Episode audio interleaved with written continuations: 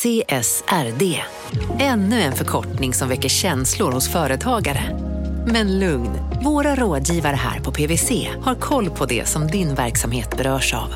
Från hållbarhetslösningar och nya regelverk till affärsutveckling och ansvarsfulla AI-strategier. Välkommen till PWC. Dåliga vibrationer är att skära av sig tummen i köket. Ja! Bra vibrationer är att du har en tumme till och kan scrolla vidare. Få bra vibrationer med Vimla. Mobiloperatören med Sveriges nöjdaste kunder enligt SKI. Här ser ni bebisens lilla huvud. Åh, vad Men vad, vadå, menar du att huvudet är litet? Nej, det är väl som ett 18 volts batteripack från Bors. Vet du lite för mycket om byggprodukter? Vi är med. -bygg. Bygghandeln med stort K.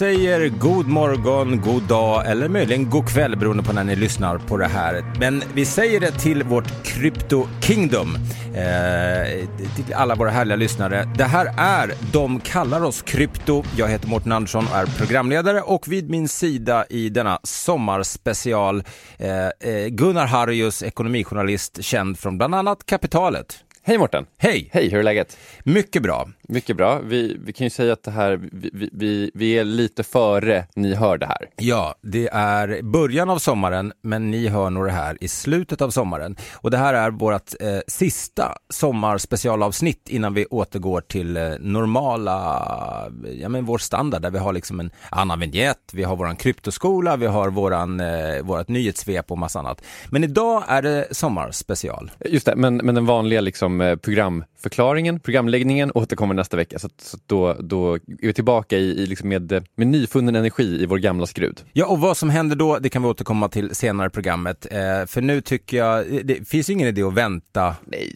Nej. Nej. Ni har hört henne massa gånger förut i den här podden för, eh, helt enkelt för att vi tycker att hon är så himla bra. Hon har precis blivit mamma, men trots det så är hon redan tillbaka i studion. Vi är så glada för det. Eh, Ett av våra fantastiska orakel, Anna Svan. Hej! Hallå! Kul att vara tillbaka. Hur Så- känns det? Hur är livet nu? Eh, men som jag sa när jag kom hit att eh, jag hade ju förberett mig på fullständigt kaos. Jag är liksom positivt överraskad. Vi får sova, eh, jag kan jobba. Eh, det är liksom lugnt och harmoniskt hemma, får man säga så med fem veckors? Eh, nej. Helst Nej. inte. Nej men det är fruktansvärt och eh, nej. Det finns ingen rättvisa. Det brukar, eh, när man kollar på så här i entertainment och så här gamla så här, eh, klipp, nyhetsklipp så brukar det ofta vara så en, ehm, en, en fråga som man blir kritiserad av, eh, kritiserad för av ett, liksom, ett eh, feministiskt perspektiv är hur har att bli mamma förändrat dig som skådespelerska? eh, hur har att bli mamma förändrat dig som fond, eh, fondförvaltare? Ja, men jag är oerhört effektiv måste jag säga. Hon vill ju, alltså, även om hon sover bra så vill hon gå upp tidigt. Så hon vaknar ju vid fem eh, och hon vill ju bara liksom ligga bredvid och sådär. Så att jag, eh, och det här får man väl inte heller säga för att bli folk upprörda. Men jag förstår att alla situationer är unik. Men jag har, ehm, eh, jag använder eh, timmarna mellan fem och åtta varje morgon till att eh, lära mig Python. Så att jag kan eh, bygga systematiska modeller av min investeringsstrategi. Så det är vad jag gör. Eh, så det är bra att jag äntligen För får att- tid över till det. För att fasa ut dig själv lite mer eller? Nej, jag vet inte, jag tänkte hon, hon ligger där och det är jättemysigt och sådär och eh, då kunde jag lika gärna använda den tiden till någonting som jag faktiskt eh, ville göra. Mm. Och då blev det en morgon och sen så har det blivit i princip varje morgon efter det. Så vad du sitter och säger till mig här eh, som tvåbarnspappa till två småbarn är att, eh, att tack vare att du har fått en bebis har du frigjort mer tid Ja, för jobb. Men det är som du- Okej! Men det är som du har sagt till mig också. Du har ju också lärt dig att koda för att kunna skriva skämt effektivare varje morgon mellan 03 till 15. Ja, jag kom på ett skämt på ett halvår. ja, härligt. Ska vi kasta oss in i det som då vi gör när vi har våra orakel här, nämligen att vi går igenom alla frågor vi har fått från er, eh, som man antingen ringer in och har störst chans att komma med, eller skriver till oss på Twitter, DKO Krypto, eller mig, att Martin Andersson, eh, så kan det komma med. Eller så kan man också mejla såklart. Så vi Just har en hel eh, bunt med frågor. Ja, precis. Och vi kan säga att vi den här gången eh, har tömt mejlkorgen framförallt. Mm. Eh, men vi börjar med en, eh, en telefonsvararfråga tycker jag. Tjena grabbar! Uh, Mårten här från Sundbyberg. Tänkte fråga här, eh, vad tror ni priset på bitcoin kommer vara i slutet eh, av 2021? Och om tre år och om fem år at the highest? Mm, och eh, hur kan man liksom basera det på? Tack så mycket! Ha det bra! Ha en bra podd! Tja, hej! Nej men eh, jag eh, var lite kaxigare i, eh, förra för, under jag vill säga, sensommaren förra året. För då trodde jag att under, under slutet av den här bullmarknaden så skulle bitcoin stå mycket, mycket högre. Och nu är jag snarare på att ja, men det, det har dippat en del. Eh, vet inte hur mycket det kommer dippa mer, eh, men jag är inte helt säker på att eh, vi kommer starta om en ny bullmarknad i närtid. Eh, så jag skulle inte säga att jag tror att priset på bitcoin kommer stå så himla mycket högre än vad det, än vad det gör nu. Eh, däremot om fem år så tror jag att vi nog är mitt uppe i liksom nästa bullmarknad. Eh, för halveringen sker ju ungefär var fjärde år. Eh, och om fem år, ja då kanske vi är, eh, jag vet inte, efter nästa bullmarknad egentligen. Men, men jag tror att priset kommer stå mycket, mycket högre om fem år än vad det gör nu. Eh, I slutet på året, jag tror att det kanske rangen kommer vara någonstans mellan där vi har handlat under året ändå. Ehm, så eh, Så du räknar inte med ett nytt all time high under 2021 utan vi, det blev 64 800 ungefär. Ja, men jag får väl säkert äta upp det. Men, men eh, det, man ska, det jag ser det här som är att eh, eftersom att, eh, som vi pratade om, jag tror i första avsnittet, eh, sålde, eh, sålde krypto och köpte hus. Eh, så nu ser jag bara det här som att, eh, gud vad bra tajmat, nu har jag liksom tid på mig att ackumulera igen. Eh, så det är så jag ser den här mellanperioden. Just det. Men eh, okej, för det här, nu sa du några så nyckelord som jag eh, liksom ofta fastnar på när folk eh, gör eh, predictions eh, kring olika marknader. Dels bara förtydliga, bullmarknad betyder att marknaden går uppåt. Precis. Bear eller björnmarknad betyder att marknaden går neråt. Exakt. Men du pratar om halvering. Ja. ja vad har halvering för liksom, effekt på, på värderingen av, av, av en kryptovaluta och vad är en halvering? Så ungefär var fjärde år, jag vet inte hur, per hur många, hur, hur många block det är, så halveras belöningen som miners får för att utföra de här transaktionerna. Eh, och det innebär att det krävs mer datakraft för att mina fram ett block. Eh, för att utföra de här transaktionerna och, eh, och det gör att eh, det blir mycket dyrare för att det krävs väldigt mycket energi. Och eh, då blir eh, supply... Eh, Tillgången. Precis, tack. Pratar inte så mycket svenska. Eh, då blir det mycket lägre och det gör såklart att, eh, att efterfrågan, inte att efterfrågan går upp, men eh, lite sundbrist kanske jag har ändå. Nej, men det gör ju att, att när tillgången sjunker men efterfrågan kanske är, densamma så brukar det, historiskt i alla fall, påverka priset. Det här sker inte över en natt. Så att, när halveringen skedde, jag tror att det var i maj förra året, så, så sa jag då att det kommer att dröja kanske sex månader innan vi ser det här i effekt i priset, för det var precis så det hade varit innan. Så att även om historien inte ser så mycket av framtiden så kan man i alla fall hitta vissa mönster som tidigare fungerat. Men, Eh. men bara så här supertydligt, det som händer nu är att om du minar från ett block så får du sex bitcoin eller någonting och nästa halvering så kommer du få tre. Och Precis. då blir liksom utbudet blir eh, halverat men om efterfrågan är samma, det, som, ja, det här är liksom nationalekonomi 1A. Plus, Liksom. plus att det är så här också att om, eh, om, det, om det krävs mer datakraft att, eh, att mina ett, ett block men priset eh, ligger på detsamma, då blir det inte lönsamt för miners att mina och det gör att mindre miners kommer att mina eh, och, och då går också priset upp för att det finns precis lägre supply då. Coolt. Var det tydligt nog? Du ser lite ja, jag tror det. Men jag, jag funderar på bara om... eh, eh, Supply, alltså det kommer inte vara, det kommer inte vara mindre antal bitcoin men eh, mindre flow. Varför blir det dyrare då? Eh, ja, men så här för att eh, en miner vill ju kanske inte sälja en bitcoin till förlust. Eh, och om, eh, om, eh, om energiutgången är högre, alltså att det kostar mer för dem att ta fram det här, så vill de inte sälja. Så då kan de, eh, då kan de samla på sig de här istället och kanske inte sälja av dem förrän priset har gått upp. Just det, men då, du tror att det är det jag inte hänger med på riktigt. Varför det blir dyrare eh, att, att Ja, men för, det, det för att eh, vi ska prata lite om proof of, proof of work och proof of stake sen också. Men bitcoin bygger ju på proof of work, eh, vilket innebär att det är flera miners som tävlar om att få utföra transaktioner. Och det gör att det går åt oerhört mycket eh, eh, datakraft för att göra det här och det kostar ju väldigt mycket i elektricitet. Och jag menar, det är du som får, det är du som har minen som får elräkningen slu, i slutet på månaden. Så säg att det har kostat dig eh, 50 000 dollar att mina en bitcoin. Eh, men kostnaden för att mina den här bitcoinen var 60 000 dollar. Då vill inte du sälja den direkt förrän eh, priset på bitcoin har gått upp. Så, Just det. Men, har det, men hur hänger det ihop med halveringen menar jag?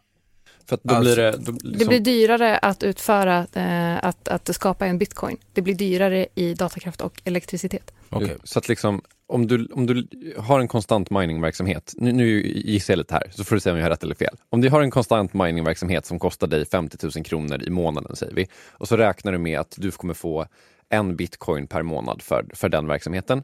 Plötsligt så sker den här halveringen, då kommer du bara få en halv bitcoin per månad. Och då kommer hälften så ny, många nya bitcoins komma ut på marknaden, rimligtvis då. Men om, om, om efterfrågan är konstant då, så betyder det att priset rimligtvis borde stiga på sikt. Är, är det liksom premissen här? Eh, ja, precis. Och säg så här, du får en halv bitcoin per månad istället för en hel, samtidigt som att elräkningen är samma Den som det var samma. innan. Exakt. Okej, perfekt. Ja, men då tror jag eh, att vi fick ett väldigt bra svar. Ja, men jag känner mig skitnöjd. Bravo Anna och bravo Gunnar.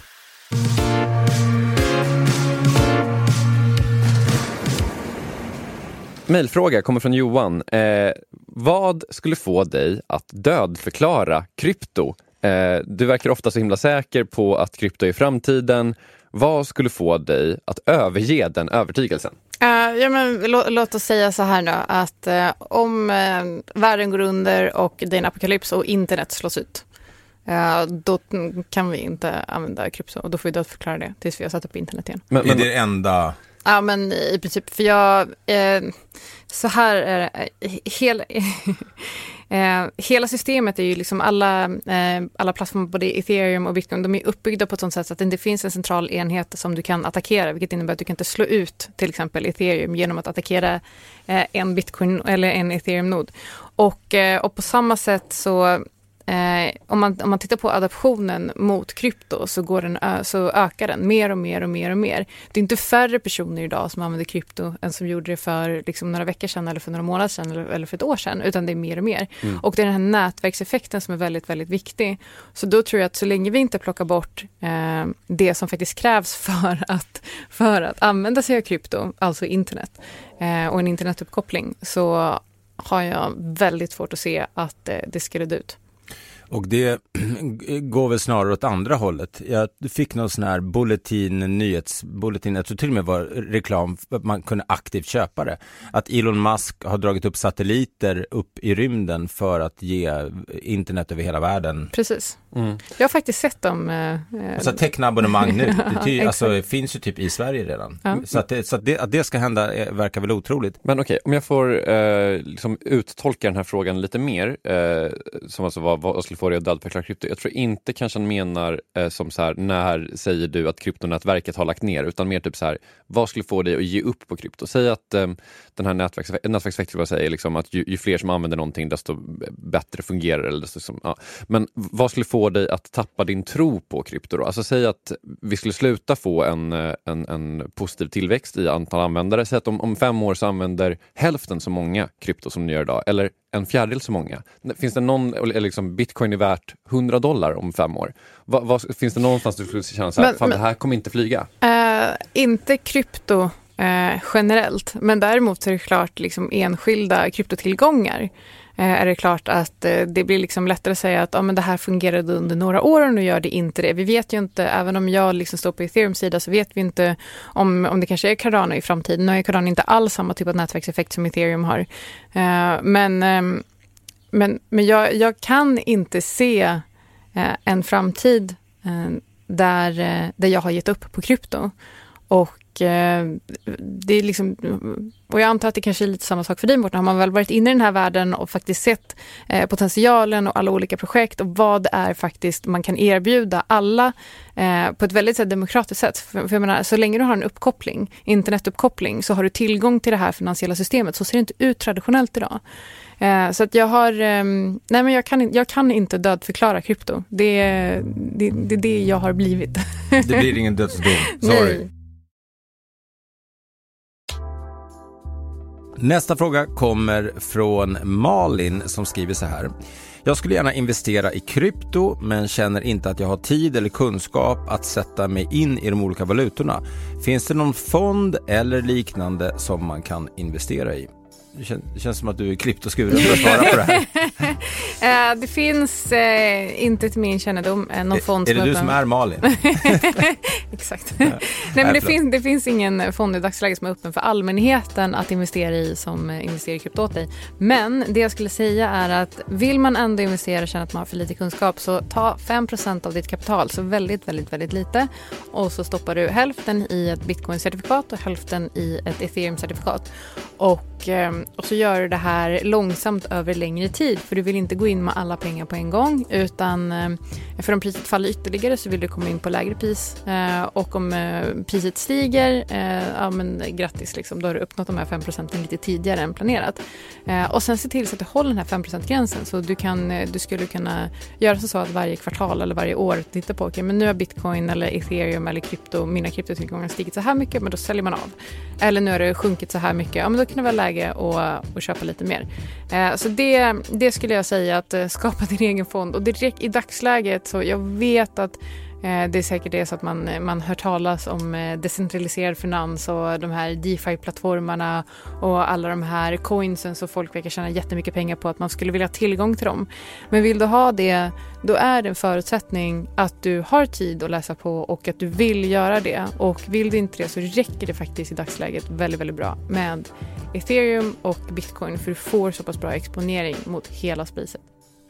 Eh, ja, eh, tack Anna. Jag skulle vilja säga också att eh, om man pratar om sådana här coins då, altcoins, alltså mindre coins, så ska man komma ihåg en sak. Det är det, i alla fall som jag har smärtsamt fått lära mig, som har gått in en del i, i, i mindre projekt som jag fortfarande tror väldigt mycket på. Men de blöder ju nog otroligt när, när bitcoin blöder. Eh, när kungen är skadad då, då tar soldaterna ännu mera stryk. Så att de har fallit ännu mer. Sen har de såklart ännu större uppsida eh, potentiellt än vad bitcoin har, men, men det ska man komma ihåg.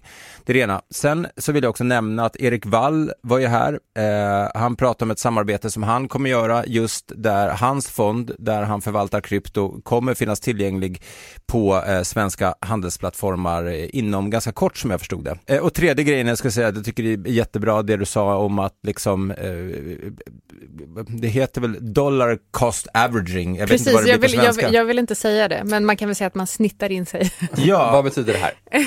Det innebär att eh, om, eh, om du tittar på priset på en tillgång under eh, låt oss säga tio dagar och så rör sig priset på den här tillgången eh, Eh, under de här dagarna. Så om du, om du inte vill köpa allting på en gång, för du tar ganska hög risk, för du vet inte om priset kommer stå, dag 10 så vet inte du om priset kommer stå högre eller lägre, men du vet att du har 10 dagar på dig att köpa den här tillgången. Så då kan du, köpa, då kan du dela upp pengarna du har på 10 och så köper du eh, för en tiondel varje dag. Och då får du en genomsnittskurs eh, för de här 10 dagarna. Och det är någonting jag hade, och det här har jag hört från flera andra eh, också som är, precis som Anna, mycket mer rutinerade än, än vad jag själv är. Och något som jag hade önskat att jag hade gjort eh, istället för att gått all in med mina pengar. Utöver att eh, en annan lärdom som jag kan flika in är ju att eh, sitta med US dollar eller svenska pengar på sidlinjen. För det kommer att dippa och då har man då möjligheten att köpa dippen. Sen vet man inte om det är dippen utan det kommer ytterligare en men, men alltid se till att ha lite pengar på sidlinjen. Men det är alltid så att jag vet, jag vet ju hur det är för att jag var samma sak. Alla sa till mig också när jag började för många år sedan att men köp lite i taget. Tyckte jag, varför då? Tänk om det går upp jättemycket så blir man liksom, man får så mycket FOMO av marknaden att Mm. man tänker att det här kan vara min sista chans. Men man, man ångrar sig i princip alltid i slutändan. Jag var upp hur mycket som helst och är istället nu då ner hur mycket som helst. Jag är fortfarande inte orolig för det här är långsiktiga investeringar eh, som jag har gjort och jag tror på krypto eh, också. Jag ser ingen dödsdom snarare att eh, det, vi har bara sett början. Eh, det är vad jag tror i alla fall. Ska vi säga en sista grej om fonden bara, som är att, eh, det här har vi pratat om flera, flera tidigare avsnitt, men att eh, det är ju alltid, det känns som det alltid är eh, ett halvår bort att det, det är på väg att liksom lansera någon slags kryptoindexfond i USA. Men förr eller senare kommer ju någon faktiskt ta sig igenom det knappnåls...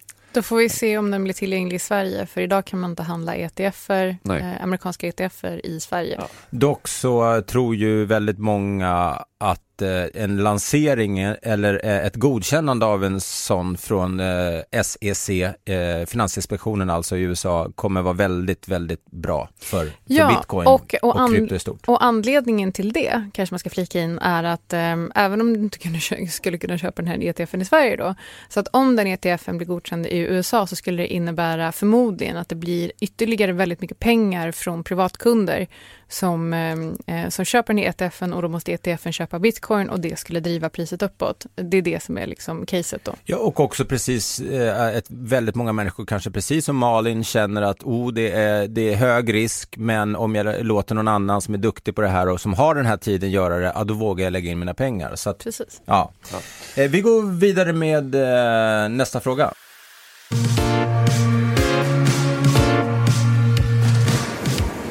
Ja, då får du spetsa öronen Anna, för här kommer nästa fråga som är lite längre. Den kommer från Pelle som skriver eh, Tack för en bra podd. Nyfiken på krypto, men undrar ibland varför jag ska bry mig om det. Det verkar finnas så många nackdelar. Miljöaspekten är bara en liten del. Jag kan inte köpa någonting för kryptovalutor. Jo, det kan du. Eh, kurserna stiger och faller jättemycket, vilket gör det läskigt att spara i. Eh, dessutom köper jag inte inflationsargumentet. Eh, min mat kostar lika mycket den här veckan som den gjorde för två år sedan. Ja, vad säger du? En del att reda i. Ska vi ta dem en i taget? Ja, eller? men jag tänkte vi börjar med man kan inte köpa någonting för dem. Mm. Eh, och jag menar Paypal, Visa och Mastercard jobbar ju eh, alla för, för, att integrera eh, krypto i sina betallösningar. Eh, så då har, vi, då har vi löst det problemet. Får jag komma med en invändning där? Ja. Som är att Visst, du kan köpa någonting för bitcoin till exempel, men det hänger ihop lite med nästa, fråga, nästa invändning som är liksom den här volatiliteten, alltså det går upp och ner. Alltså så här, vill du köpa någonting för dina bitcoin? Men, men eh, och jag, jag tänkte att jag skulle prata om det också. Eh, man ska komma ihåg att vi befinner oss väldigt tidigt i eh, i den här livscykeln av krypto. Och det innebär också att vi befinner oss i en tillväxtfas och i en tillväxtfas så är priset väldigt volatilt. Eh, så att istället för att se det som att nu ska jag helt gå över från att använda svenska kronor till att eh, använda bitcoin och så ska jag betala med bitcoinen så ska du se det här som att det här är tiden för dig att ackumulera ehm, krypto för att du ska kunna handla med dem i framtiden. Eh, så så skulle jag se det istället. För att eh, ja, priset går upp och priset går ner men, eh, men det är för att vi befinner oss i en slags tillväxtfas. Kolla gärna upp också Pelle, något som heter Lightning Network som ju håller på att rullas ut eh, fort. Eh, som till exempel händer nu i El Salvador eh, och på andra ställen. Som är egentligen väldigt, väldigt enkelt beskrivet så är det som Swish Eh, på svenska, fast det är då eh, där man använder... Också. Förlåt? Decentraliserat. Ja, exakt. Ja. Men eh, en grej till kring det här då med, med eh, ackumulera nu för att kunna handla i framtiden och så vidare. Va, hur ska Pelle tänka här då? För att så här, pratar vi 10 år, pratar vi 20 år, pratar vi 100 år? Alltså så här, om vi är i början av en livscykel för en ny, för en ny liksom finansiellt system. Det kan ju ta, jag menar, hur lång tid tog det innan man började liksom prägla de första kopparmynten tills att folk började sluta med byteshandel? Alltså det är så här, om man tänker det perspektivet. Absolut, men fast det, men det, jag tror att det är svårt att jämföra det också, för jag menar vi har en annan typ av teknologisk eh, utveckling idag, vilket innebar att för att, du, för att eh, den stora massan ska adoptera att använda de här kopparmynten istället för byteshandel, så var du tvungen att gå mouth to mouth. Du kunde liksom inte lägga ut en artikel på internet och sen så få folk att läsa det och lära sig själva. Nej. Så vi har tillgång till information på ett helt annat sätt idag.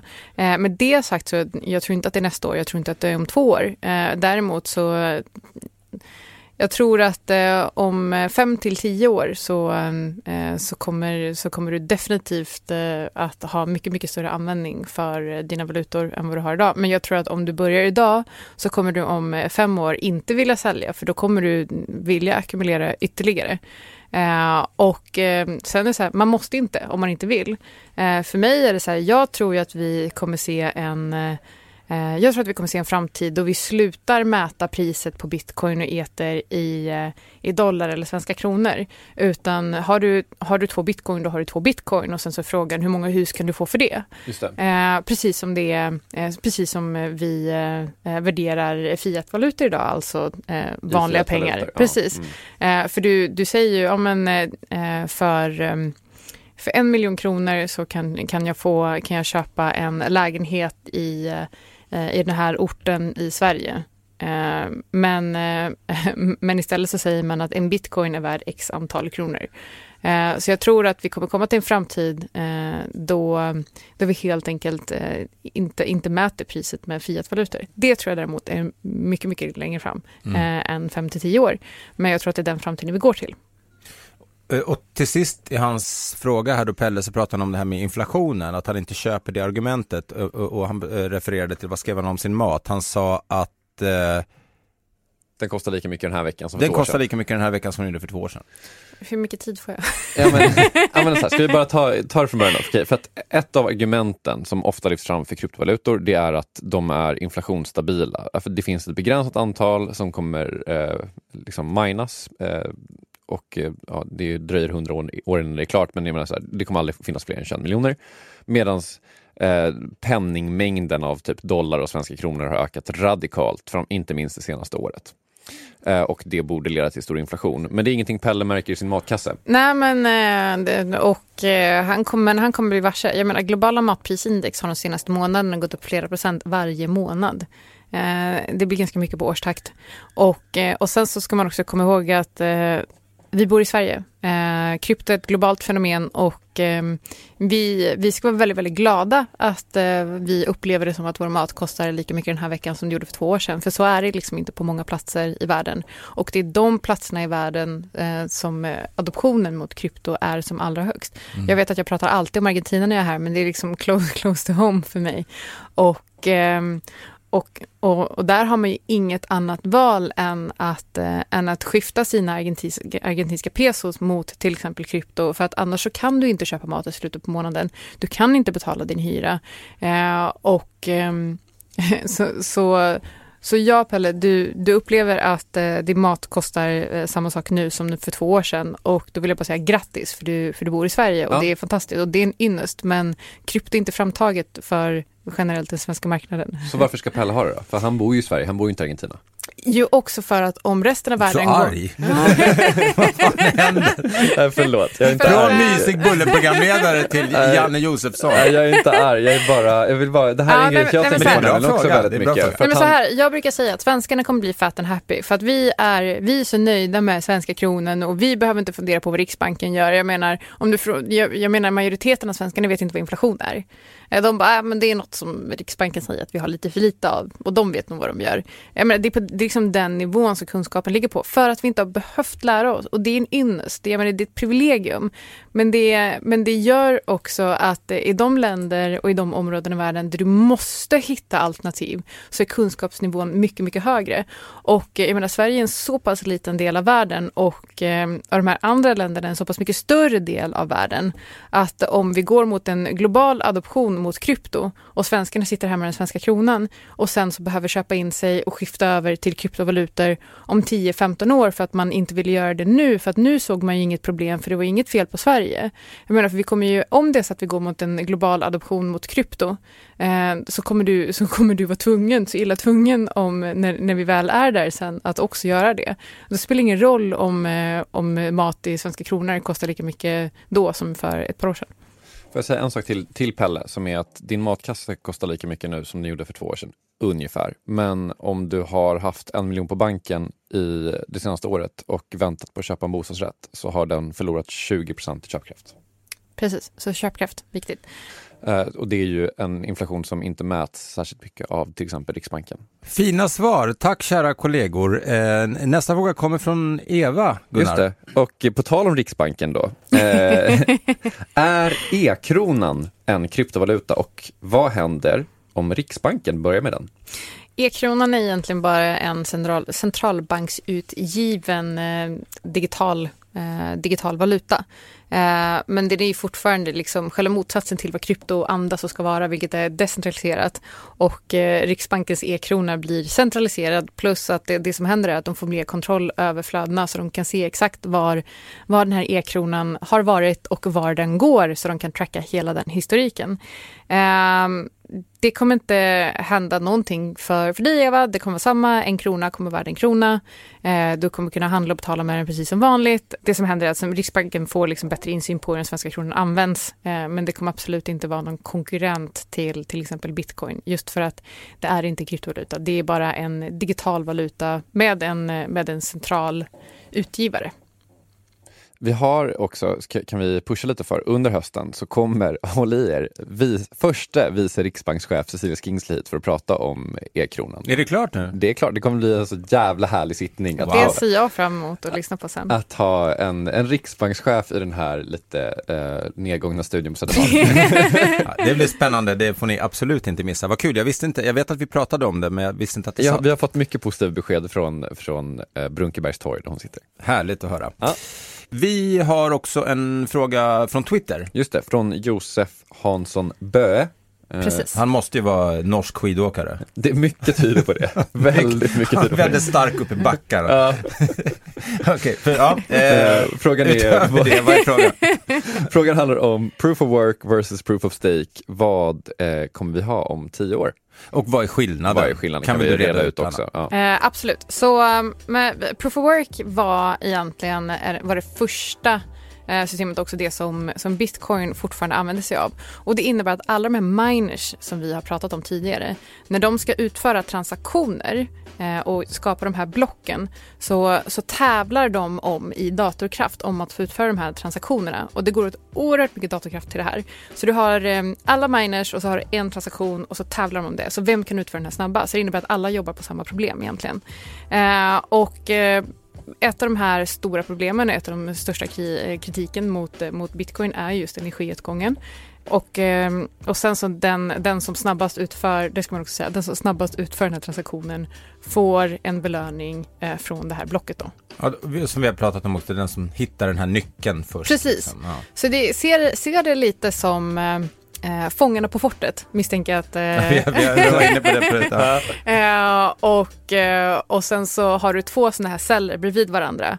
Och eh, så har vi Gunnar som ska in i ena och Mårten som ska in i andra. Och den som kommer ut snabbast, eh, den får en del av en bitcoin. Mm. och, och, den andra får ju ingenting då. Exakt. Därav energiåtgången. Precis, precis. Så att ni går in och så är det, det är jättesvettigt och det är jättesvårt och det är massa frågor och det är spindlar och grejer. Så det är skitjobbigt.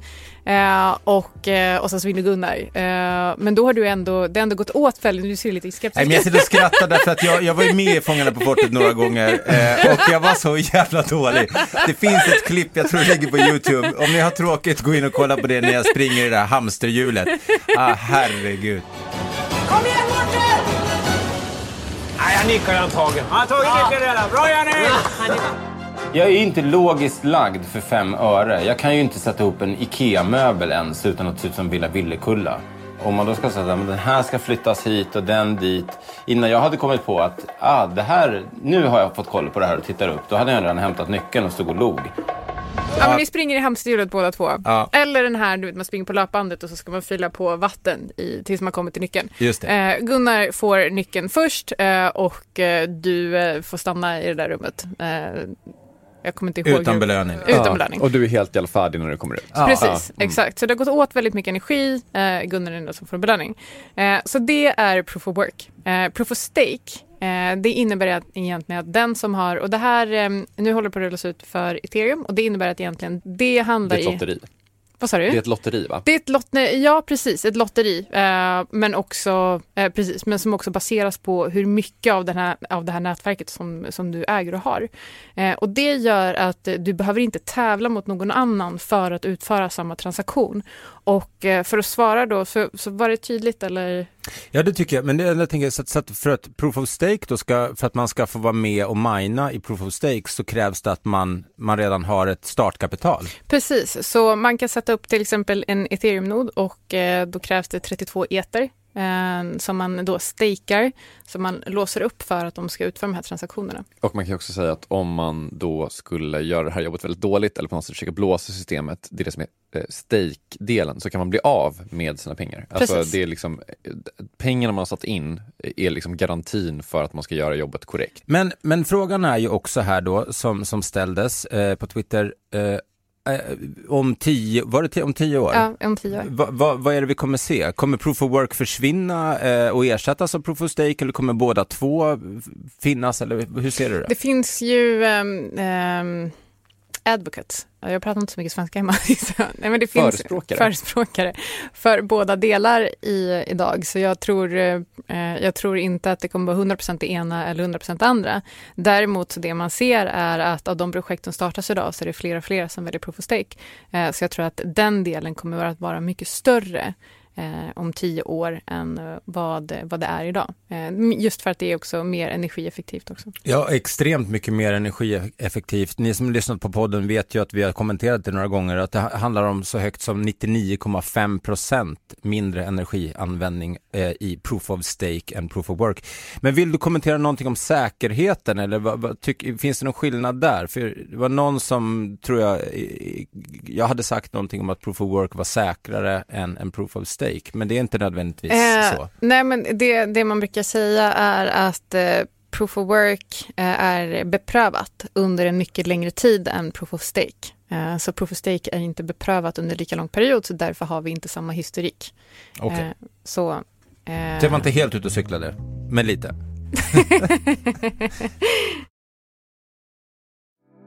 Sista frågan för idag. Eh, vad tiden går fort när man har roligt.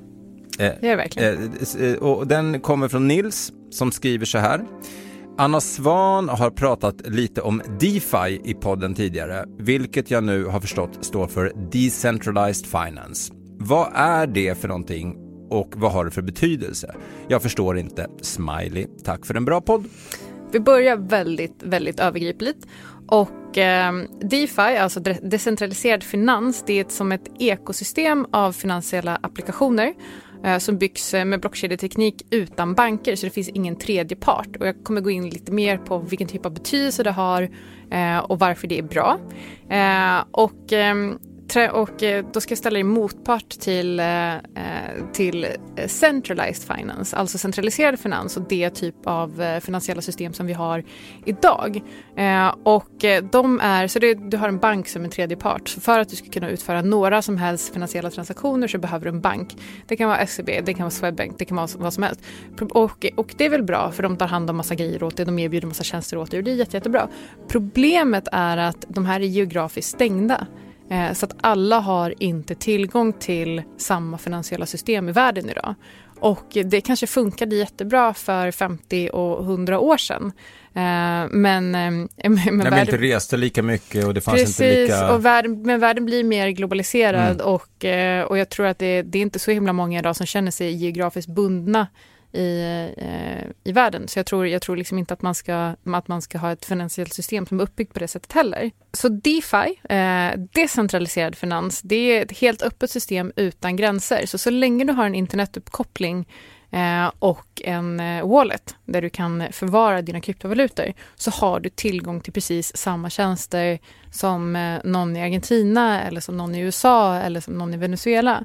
Eh, så så länge du har den här internetuppkopplingen så kan du göra precis eh, samma sak som alla andra på, i samma system. Vad tänker du kring säkerheten där? För det, eh, historiskt har det ju varit en hel del eh, grejer som har hackats och så vidare. Eh, men jag menar, ta, för att ta ett personligt exempel, så precis före vi gick in i den här eh, sändningen för, och inspelningen så gick jag in och stakade, alltså lånade ut då eh, mina Luna som är ett projekt som jag har investerat i. Eh, och då får jag en ränta på, jag fick välja på ett antal då olika, eh, eh och där är det då, men någon var 14,98 procent och så gick det ner till 11 och det fanns mängder att välja på.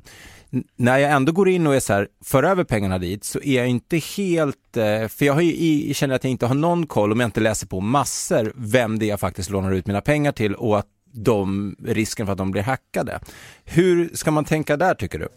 Eh, nej men, eh, och som jag var inne på förut när det var någon som sa hur gör jag om jag inte har tid eller vill sätta mig in och kunskap. Man, det krävs att man vill göra det och eh, det är också det är ett så pass ungt system idag så att det för att vara en early adopter så behöver du i princip, i, i princip kunna läsa koden som det är skrivet på. Jag ska komma in lite mer på det också. Men, eh, men, eh, men ja, eh, DeFi sätter oerhört höga krav på dig som användare. Också att du bara ska ha koll på dina egna nycklar.